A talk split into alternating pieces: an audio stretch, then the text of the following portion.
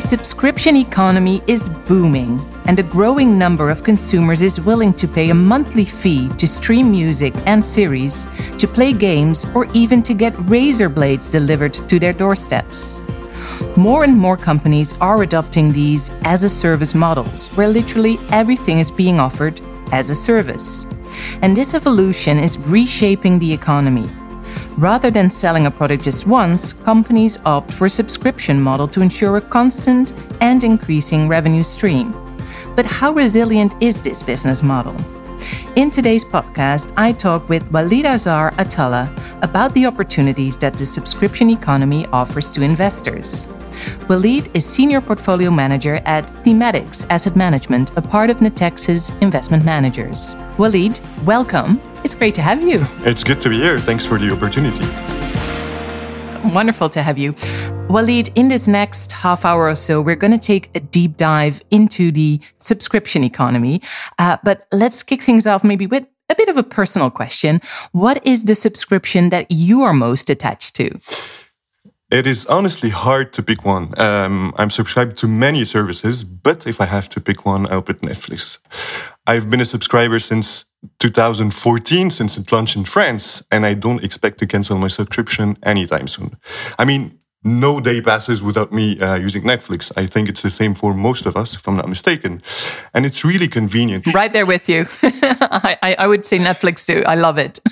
exactly. I guess it's it's really convenient. You can use it. I mean, on the bus, uh, when you're commuting, on the plane, when you're at home on whatever platform you want. And this is what we're looking for, basically, like entertainment wherever we are, whenever we want. And this is basically it. And this is why I like the service. And I guess there are lots of other services. Uh, if you think you can think about YouTube Music, for instance, or Spotify. Uh, and all of that is not really possible without also your subscription to the internet. So if I have to pick one, it's really tough. I, I don't think I'm able to do that. Right. But but if we're talking Netflix, any recent tips that you have? Uh, I'm actually watching uh, Family Guy. It's a series I always watch. Uh, Family Guy, it's Modern a classic. Family, exactly. I mean, the, those funny series. You know, when you work in finance, sometimes you need to go back and you need to distress. chill in the end. I get yeah. it. Um, maybe to take things back just just one step. So, can you explain to us what the subscription economy actually entails? Well, how, what do we? How do we define subscription economy? It's basically those businesses that offer their products and services uh, under the form of a subscription. So basically, uh, you pay a subscription that is weekly, monthly, quarterly, semi-annual, or annual, and in return of that, you get a full access to a product or a service. Uh, so basically, you just talked about Netflix. I mean, subscriptions are everywhere. It could be your gym club. It could be your internet providers. I don't, I think us as consumer, if you look at the end of the month at your, I mean, your bank account, you're going to see a, plethora of subscription you're paying and we expect them just to increase. So I don't think subscription is something that's really um, um, difficult to understand from a consumer point of view. No, right. Now, you mentioned it already, and we see a lot of growth in subscriptions, specifically in that entertainment sector. But which other sectors could maybe show a similar growth uh, using that subscription based uh, business model? Right. Uh, the entertainment sector is really, uh, I'm going to say, inclined towards the consumer. Uh, and we talked about Netflix and Spotify. They have changed the landscape of the entertainment uh, industry itself. Uh, they spearheaded the change. But if you dig a bit deeper, you will find some companies that offer subscription uh, for enterprises, mainly in the cloud space, in the software as a service, in the platform as a service space, and even in the information service space. Um, in this, us for us we work in finance for instance we cannot live without our, our you know our daily tools such as bloomberg such as those information providers. It's a sector that has been booming. And uh, we can cite several examples in in that space uh, that are that have seen some phenomenal growth over the last couple of years so, Walid, let's talk a bit more about um, market drivers. Um, I know that my monthly Netflix subscription is paid in advance. Uh, maybe you can elaborate a bit more on the financial model behind subscription companies and the benefits that this model offers, for example, in terms of revenue, uh, working capital, profitability. I, think the main difference lies in the business model itself. It's not really uh, on, on the working capital or or other metrics if you want. Uh, subscription, by definition, offer high visibility over the future uh, revenues that a company will get. So if you compare it uh, with a traditional business, simply from a valuation point of view, a traditional business, let's say this uh, company sells uh, a product worth $100 for a year. So um, it has no visibility over how many products it will, sell over the, the next upcoming years. So if you have to value it, the actual value of that company would be 100 $100. Now, let's take the example of a company that operates in a subscription model and that has kind of some visibility. It's, it have kind of a certainty that it will have some future revenue. Let's suppose this company sells um, services for $100 and has a renewal rate of those subscription of 75%. So this company is almost certain to have 75% in revenues in the year two and then 75% of $75 in the year three, and so on and so on. And then if you if you just actualize the value of that company, you would end up with a value that's something north of $300. And this is really us investor rewarding this visibility. It's something that's key. And you just talked about really what's the main um, you want strength of that model is that visibility will give you uh, how to say that? Some flexibility in in the way you deploy capital.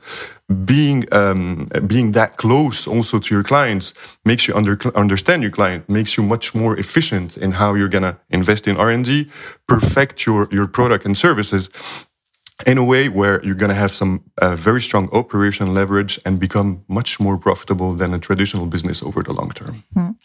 I think one of the points you just mentioned is really key because the subscriptions need to be renewed, right? That is crucial to the whole business model. If they're not renewed, it's it's not as interesting. I can imagine. Um, how do companies prevent customers from canceling on their subscriptions? Exactly. So basically, you're talking about limiting churn, maximizing the renewal rate. Exactly. And this is this is fundamental for any any company that just wanna wanna embark into the subscription model. And you have to put the subscriber at the heart of your offering. And what you want is a product. I mean, what subscribers want is a product and a service that basically meets their demand. And their demand are ever changing. You know, with technological advance, with uh, the change, changes in um, consumer behavior, uh, you need to adapt to that. What consumer wants in the end, what are their needs, uh, is a product that's convenient, uh, that has good value uh, for for the services you're getting. So we talked about Netflix being convenient; you can use it, use it wherever. But if Netflix is more expensive than it, what what it has to offer, in that case, it wouldn't be interesting for me as a consumer. Maybe another point of view uh, is that consumers do not like add-ons. They, what they like is a one-stop shop. You pay for one subscription and you have kind of an all-you-can-eat model. You can access, uh, I mean, you can consume as much of, um, as you want of a, of a, certain service. And another point also I might, might say would be the product can sometimes be personalized. It can offer a personalized experience Take the example of Spotify. It might uh, propose to you songs based on what you listened to prior to that. Um, this is something that's really interesting, again, for the client, and this is what the client needs.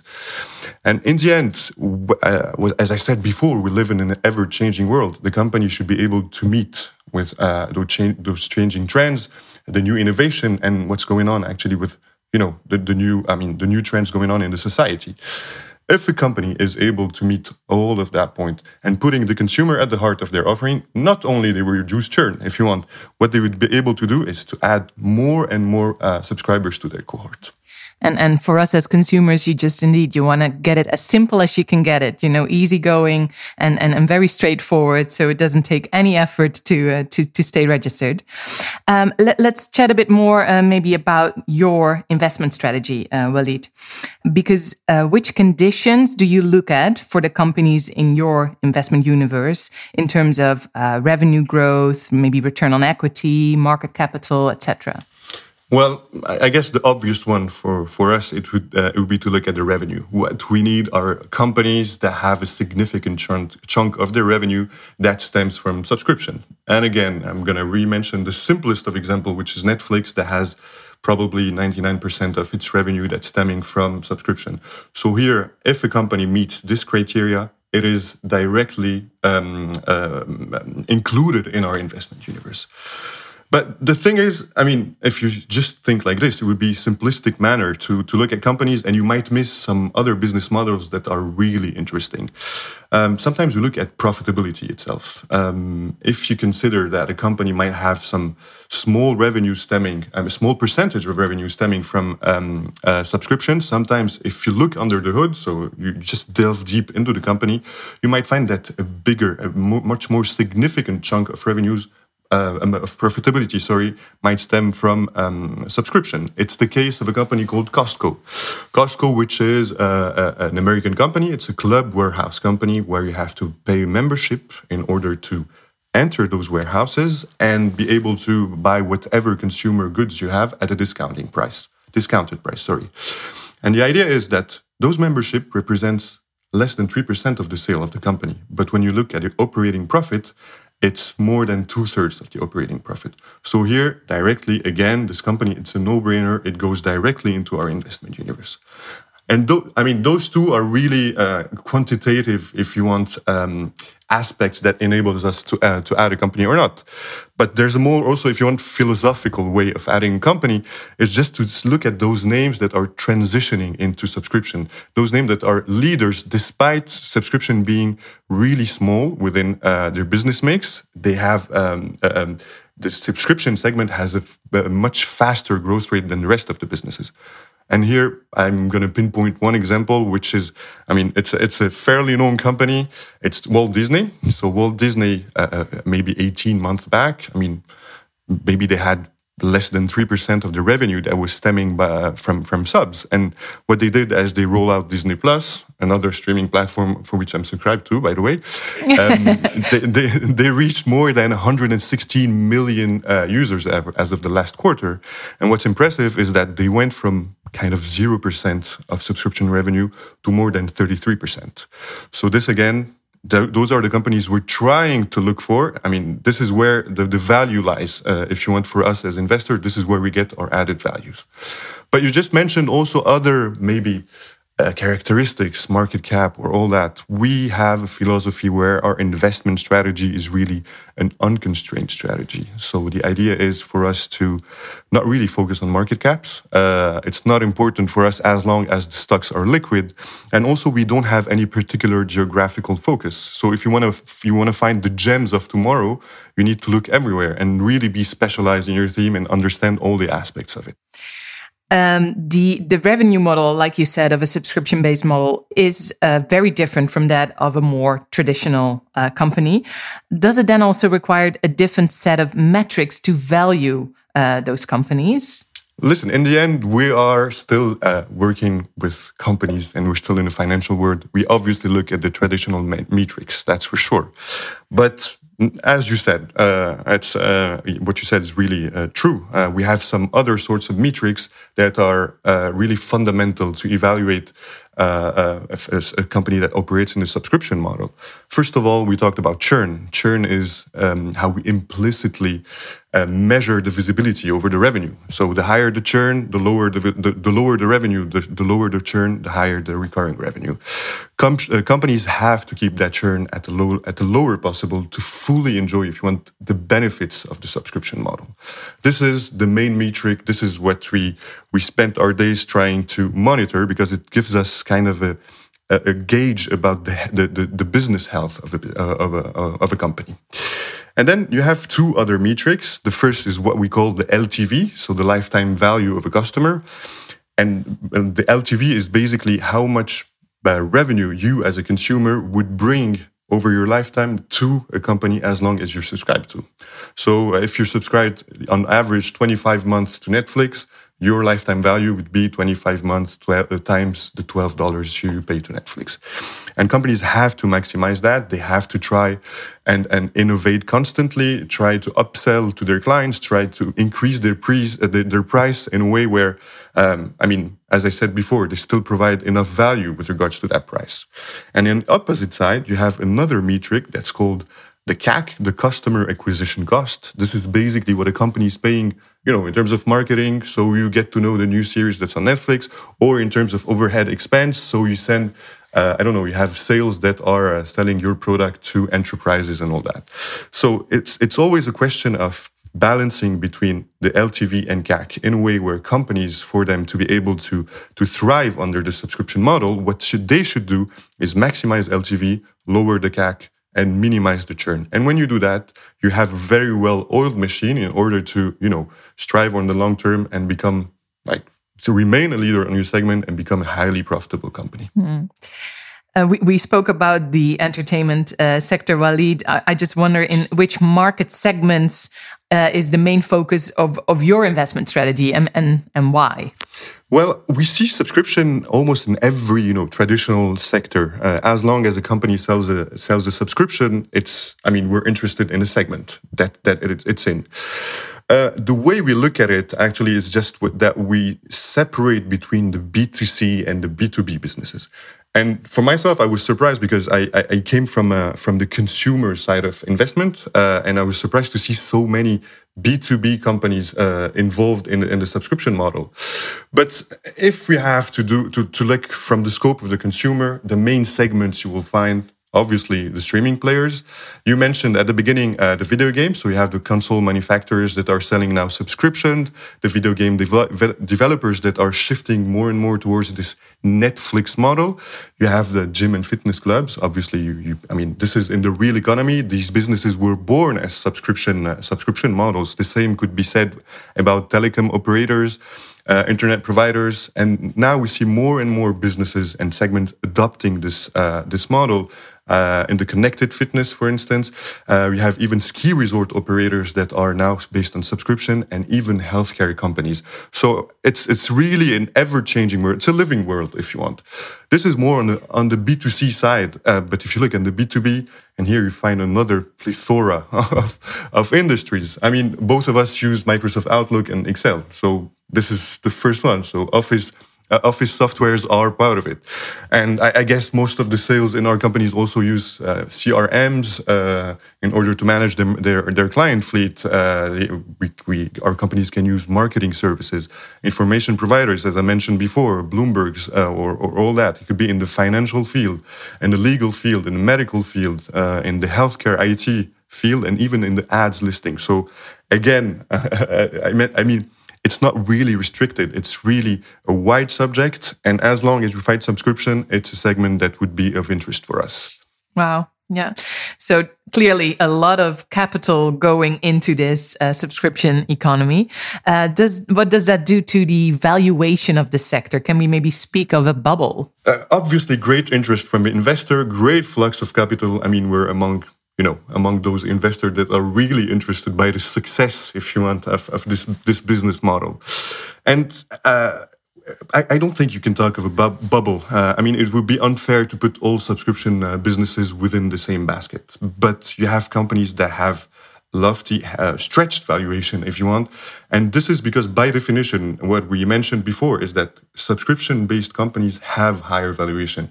They can justify a premium because they have health, usually they have healthier business models, healthier uh, perspectives in terms of growth, healthier balance sheet. And eventually, uh, this drives them to have higher profitability, higher visibility, which justifies, uh, in our view, this premium in terms of valuation.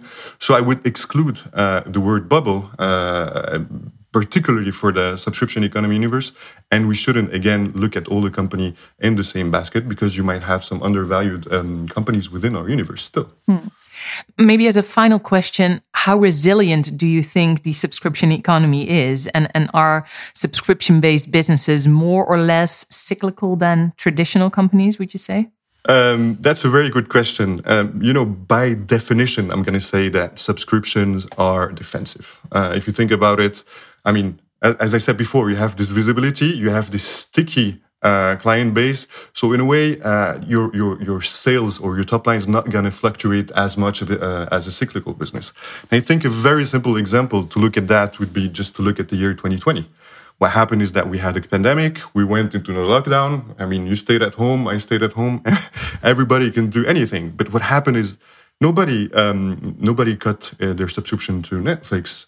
Nobody cut their subscription to Bloomberg or Microsoft Office. Everybody kept that and even added more for some businesses, added new new customers. Other maybe lost a bit. But if you look at the universe all in all, I'm going to say 2020 was a normal year for the subscription economy. But now, if you look at a more traditional business, I don't think you went to the to a restaurant during the pandemic. I don't think you took I don't think you took an airplane. So those companies saw their their sales figures tend to almost zero. So this is where you see there's no cyclicality. There's little cyclicality. I'm going to say in the subscription economy business, but it's definitely much more defensive than the traditional business. That's based on you know the linear selling model. Thank you so much for this conversation, Walid. I'm, I'm definitely going to remember our conversation when I'm turning on the Netflix again tonight. very, very insightful. Uh, I learned a lot. Thanks. Thank you. Thank you for the opportunity. Thank you for listening to a podcast about the opportunities that the subscription economy offers to investors. I would like to thank today's guest, Walid Azar Attallah, Senior Portfolio Manager at Thematics Asset Management, for his time and his insights. This podcast is offered to you by Natixis Investment Managers. For more podcasts, please visit the Fonds News website, fondsnews.nl, if you are based in the Netherlands. Or if you're located in Belgium, please visit the Investment Officer website, investmentofficer.be.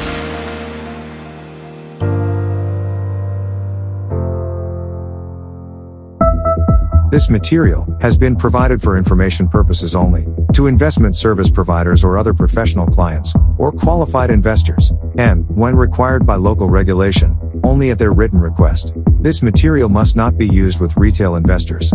It is the responsibility of each investment service provider to ensure that the offering or sale of fund shares or third party investment services to its clients complies with the relevant national law. In the Netherlands, this material is provided by Natixis Investment Managers SA or its branch office, Natixis Investment Managers Netherlands. Natixis Investment Managers SA is a Luxembourg management company that is authorized by the Commission de Surveillance du Secteur Financier and is incorporated under Luxembourg laws and registered under NB 115843. Registered office of Natixis Investment Managers SA is 2 Rue Jean Monnet, L. 2180 Luxembourg, Grand Duchy of Luxembourg. Netherlands, Natixis Investment Managers Netherlands. Registration number 507746770. Registered office, Stadsplateau 7, 3521 AZ, Utrecht, the Netherlands. The above referenced entities are business development units of Natixis Investment Managers, the holding company of a diverse lineup of specialized investment management and distribution entities worldwide. The investment management subsidiaries of Natixis Investment Managers conduct any regulated activities only in and from the jurisdictions in which they are licensed or authorized. Their services and the products they manage are not available to all investors in all jurisdictions. Although Natixis Investment Managers believes the information provided in this material to be reliable, including that from third-party sources, it does not guarantee the accuracy, adequacy, or completeness of such information. The provision of this material, and or reference to specific securities sectors, or markets within this material, does not constitute investment advice, or a recommendation, or an offer to buy, or to sell any security, or an offer of services.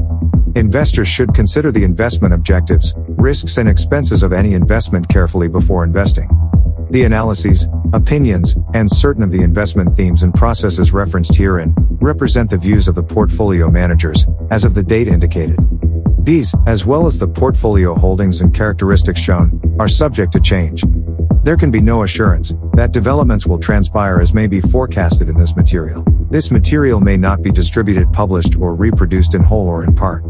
All amounts mentioned are expressed in US dollars, unless otherwise indicated.